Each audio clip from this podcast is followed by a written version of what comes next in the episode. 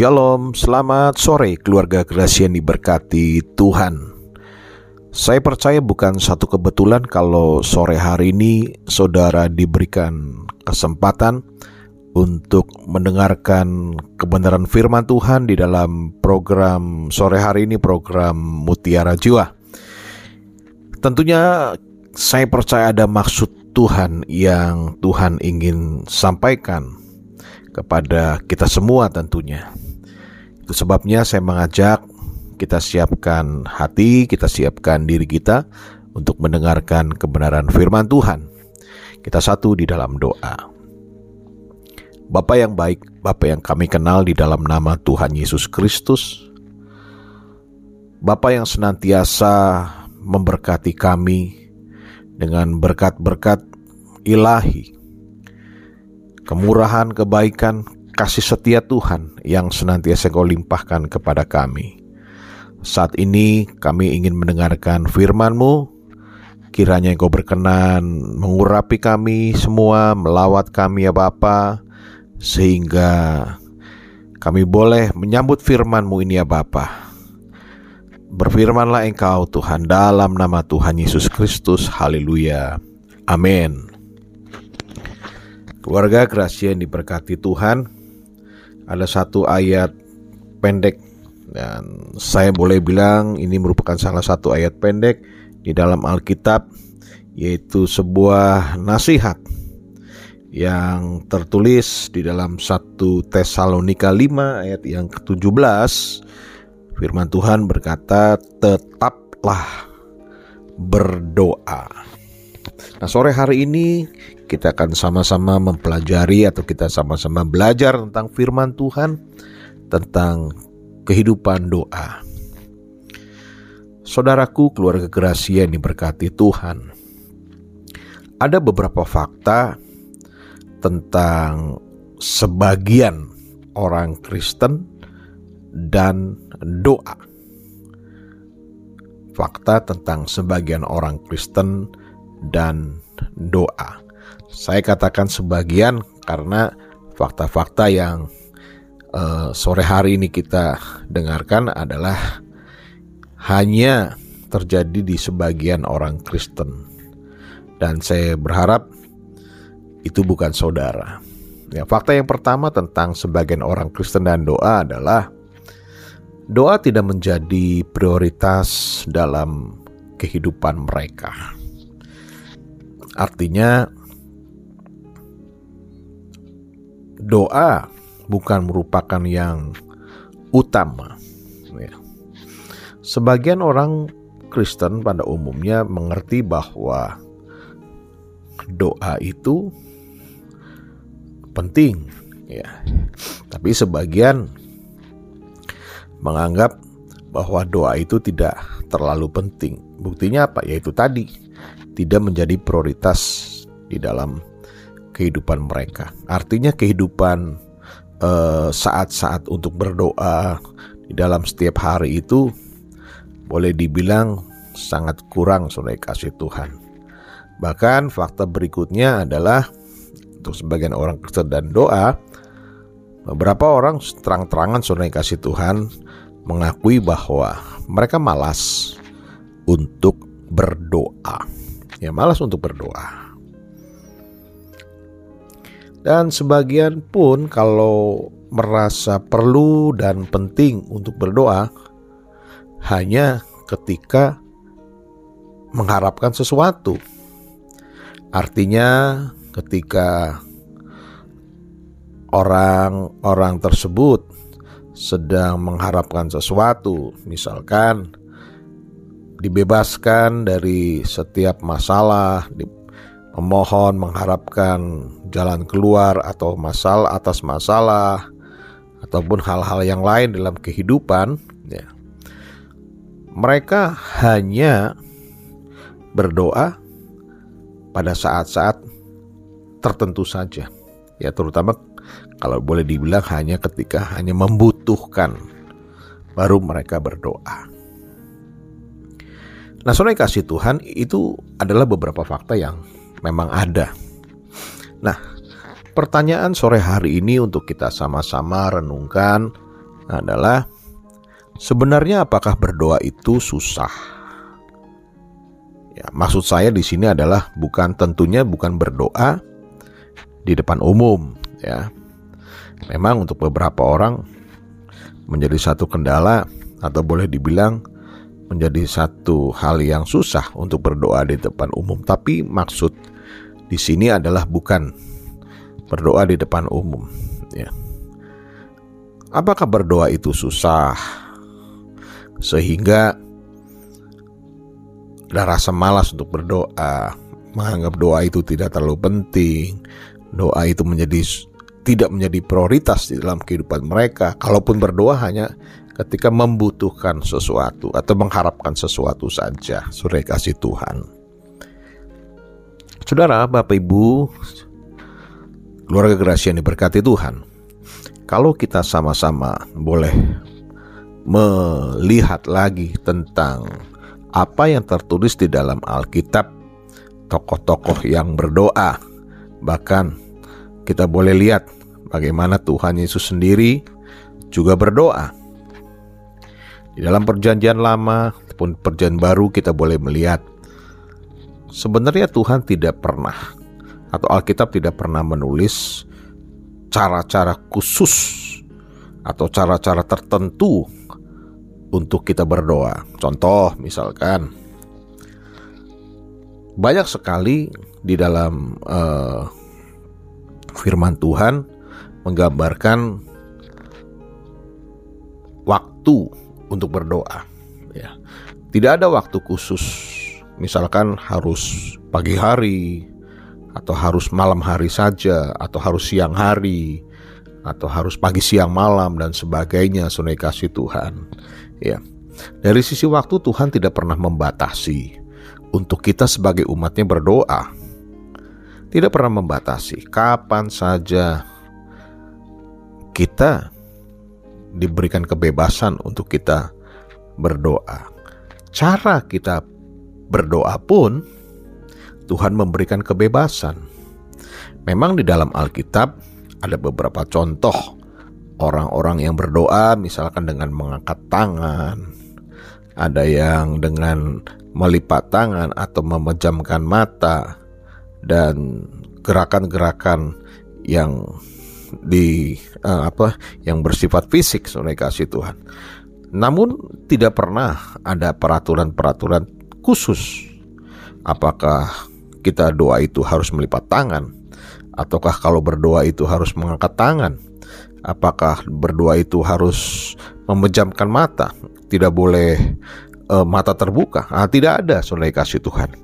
Artinya apa yang mau saya sampaikan fakta-fakta tadi adalah bahwa Tuhan tidak pernah membatasi kita di dalam berdoa. Membatasi dari sisi waktu, membatasi dari sisi cara kita berdoa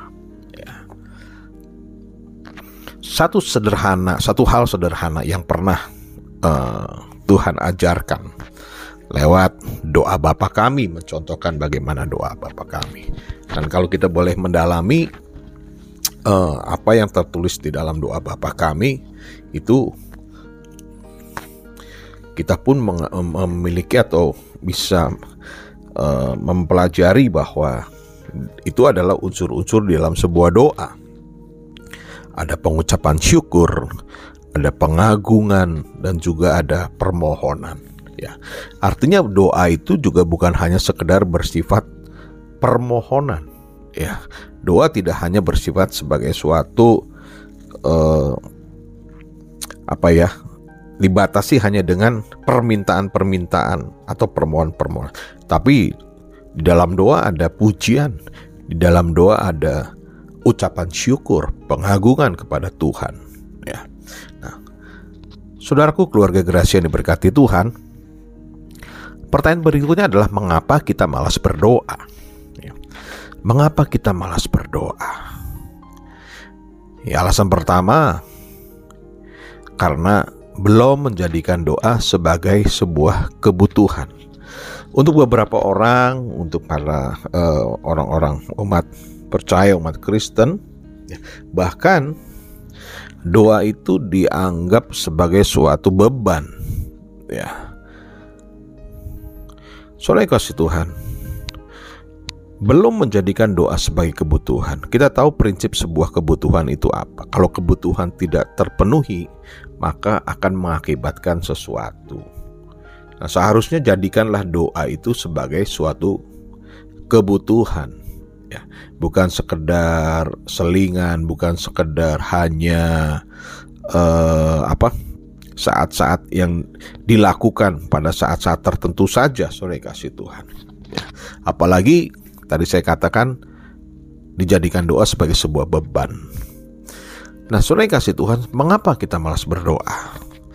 Sesungguhnya orang-orang yang malas berdoa ada orang yang memilih yang tidak memiliki kerendahan hati. Atau kalau boleh dibilang itu adalah sebuah kesombongan. Ya saya ulangi bahwa orang yang malas berdoa sesungguhnya adalah orang yang tidak memiliki kerendahan hati atau kesombongan. Kenapa saya katakan seperti itu Saudara kasih Tuhan? Ya. Di dalam doa kita memohon pimpinan Tuhan. Di dalam doa kita memohon penyertaan Tuhan. Di dalam doa kita minta tuntunan daripada Tuhan, minta kekuatan Tuhan. Nah, sebaliknya kalau kita tidak meminta kekuatan Tuhan, kita tidak meminta hikmat Tuhan, artinya kita sedang mengandalkan kekuatan sendiri. Itu adalah gambaran orang-orang yang tidak memiliki kerendahan hati. Jadi sunai kasih Tuhan dengan berat hati saya mau katakan kalau kita melalui kehidupan tidak dengan doa atau sehari saja kita tidak lalui dengan berdoa artinya kita sedang tidak memiliki kerendahan hati atau kita digolongkan sebagai orang-orang yang memiliki kesombongan. Berikutnya alasan berikutnya adalah mengapa orang malas berdoa. Ini juga terjadi karena doanya tidak dijawab, sunai kasih Tuhan. Ya, ada orang yang merasa sudah berdoa begitu lama, mungkin sudah berminggu-minggu dia berdoa, bahkan berbulan-bulan, bahkan sampai bertahun-tahun, doanya belum dijawab, sunai kasih Tuhan. Padahal kita tahu ada beberapa alasan bahwa doa itu tidak dijawab. Ya. Ketika doa tidak sesuai dengan kehendak Tuhan, nah tentunya Tuhan tidak akan menjawab doa yang tidak sesuai dengan kehendak Tuhan. Ketika doa itu dipanjatkan untuk memuaskan hawa nafsu, tentunya Tuhan tidak akan menjawab doa-doa yang seperti itu. Ya. Dan juga mengapa Tuhan tidak menjawab doa? Ada satu menghalang yang menghalangi doa kita, yaitu dosa dan juga doa yang lahir karena kebimbangan ya doa di dalam kebimbangan keraguan nah doa-doa seperti itu ya tentunya Tuhan tidak berkenan apalagi berdoa dengan ada niat jahat sunai kasih Tuhan ya nah sunai kasih Tuhan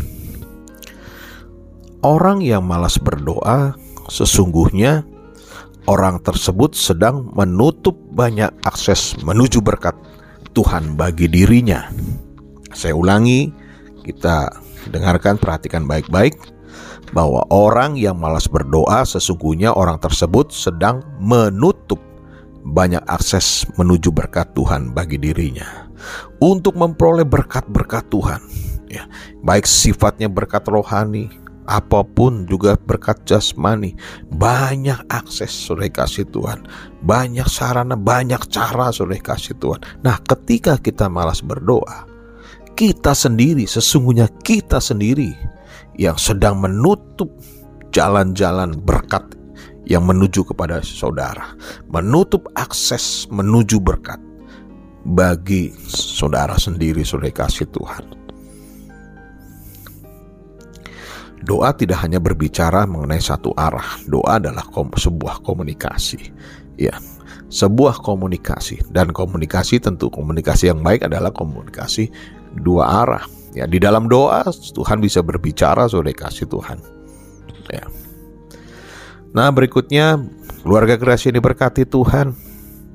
Kalau kita tadi sudah melihat fakta-fakta sebagian orang Kristen dan doa, Kemudian mengapa alasan-alasan kita bisa malas berdoa. Ya. Dan selanjutnya ini yang menjadi dasar mengapa kita harus berdoa. Mengapa saudara dan saya harus berdoa? Keluarga Gracia mengapa harus berdoa? Ya. Tanpa berdoa saudara masih hidup. Ya. Tanpa berdoa pun kita boleh melihat orang-orang yang tidak mengenal Kristus yang uh, tidak pernah berdoa ataupun mungkin saudara pernah mengalami menjalani hari-hari tanpa doa satu dua hari bahkan berminggu-minggu tidak berdoa saudara masih hidup kan ya, tanpa doa saudara masih bisa makan dan minum ya tanpa doa pun saudara masih bisa melewati hari-hari saudara tapi ingat saudara kasih Tuhan Hidup kita bukan hanya sekedar hidup untuk makan, minum, dan melewati hari-hari kita. Ya. Kita ingat bagaimana tujuan Tuhan menciptakan saudara dan saya. Firman Tuhan katakan kita diciptakan untuk kemuliaan nama Tuhan. Dan bagaimana kita bisa memuliakan nama Tuhan kalau kita tidak melalui dengan satu buah komunikasi dengan Tuhan, yaitu doa. Baik, mengapa kita harus berdoa? Yang pertama bahwa pencobaan itu tidak pernah sirna. Dan pencobaan dikalahkan dengan berdoa. Ya, sonai kasih Tuhan. Pencobaan, permasalahan-permasalahan di dalam hidup selakan selalu ada. Matius 26 ayat 40 sampai dengan 41.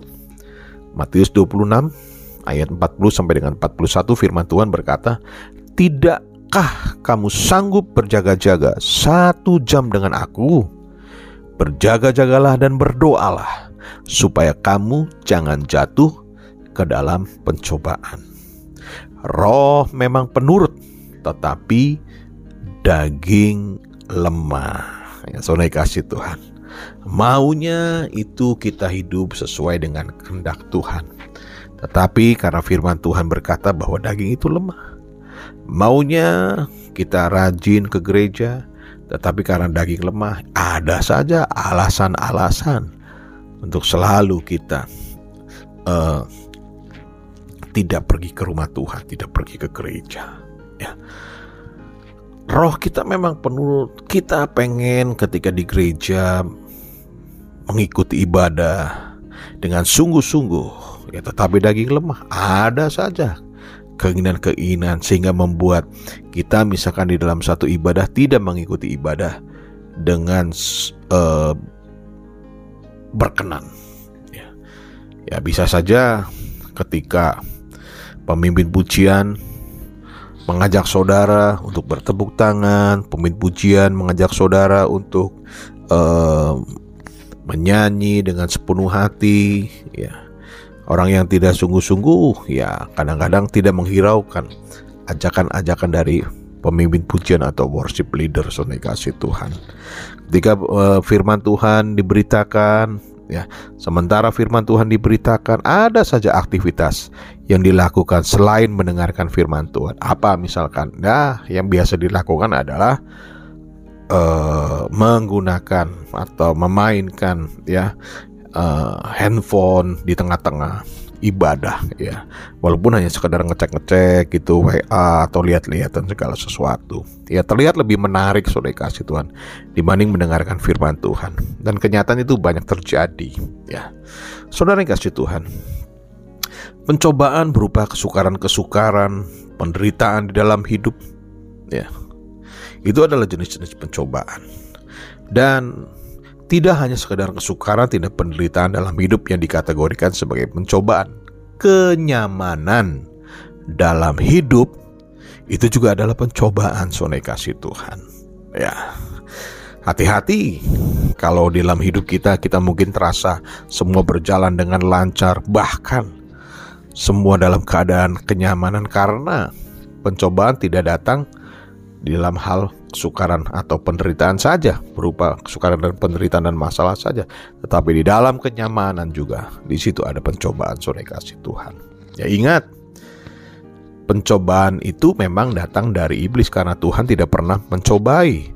Tuhan hanya mengizinkan pencobaan itu dijadikan sebagai sebuah ujian.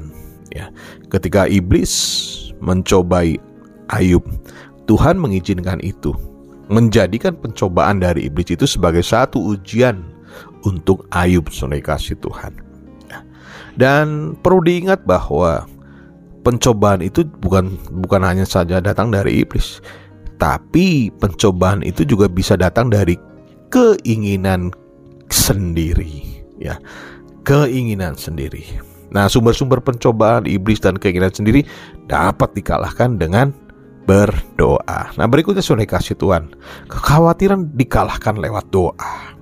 Firman Tuhan dikatakan dalam Filipi 4 ayat sampai dengan ayat Filipi 4 ayat 6 Janganlah hendaknya kamu khawatir tentang apa pun juga, tetapi nyatakanlah dalam segala hal keinginanmu kepada Allah dalam doa dan permohonan dengan ucapan syukur. Saya percaya kalau saya bertanya sore hari ini kepada saudara yang mendengarkan, siapa yang pernah mengalami kekhawatiran?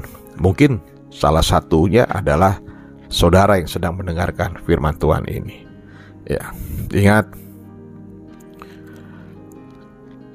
kekhawatiran dikalahkan dalam doa. Janganlah hendaknya kamu khawatir, ya tapi berdoalah dengan permohonan dengan ucapan syukur. Dan yang terakhir adalah kenapa kita harus berdoa?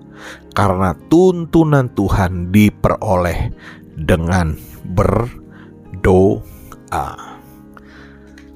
Raja Daud selalu meminta tuntunan Tuhan. Ya. Ketika Daud harus mengalahkan musuh-musuhnya, ya dia selalu bertanya kepada Tuhan. 1 Samuel 23 ayat 2, 2 Samuel 5 ayat 19 sampai 23 tercatat bagaimana ketika Daud dihadapkan kepada problema dalam hidup, ketika Daud dihadapkan dalam musuh-musuhnya, ketika Daud harus memberikan satu keputusan, dia butuh tuntunan apa yang dilakukan oleh Daud. Bertanyalah Daud kepada Tuhan dan Daud berdoa, saudara kasih Tuhan memohon hikmat. Mari keluarga Gracia yang diberkati Tuhan, Firman Tuhan mengingatkan kepada kita semua saudara dan saya ya untuk kita tetap berdoa. Kita satu dalam doa. Tuhan terima kasih untuk kebenaran firman Tuhan yang sudah kami sama dengar sama-sama dengarkan pada kesempatan hari ini ya Bapak. Mampukan kami untuk kami tetap berdoa. Setia di dalam doa tidak jemu-jemu kami berdoa. Karena kami tahu Tuhan, doa adalah kekuatan. Doa adalah pintu-pintu menuju berkat-berkat ilahi ya Bapak. Terima kasih Tuhan memberkati setiap kami yang mendengarkan program ini dan juga Tuhan memberkati keluarga Gracia, memberkati seluruh pengurus daripada radio ini. Diberkati terus Tuhan untuk menjadi berkat dalam nama Tuhan Yesus Kristus. Haleluya. Amin. Selamat sore saudara kasih Tuhan. Tuhan memberkati kita semua. Immanuel.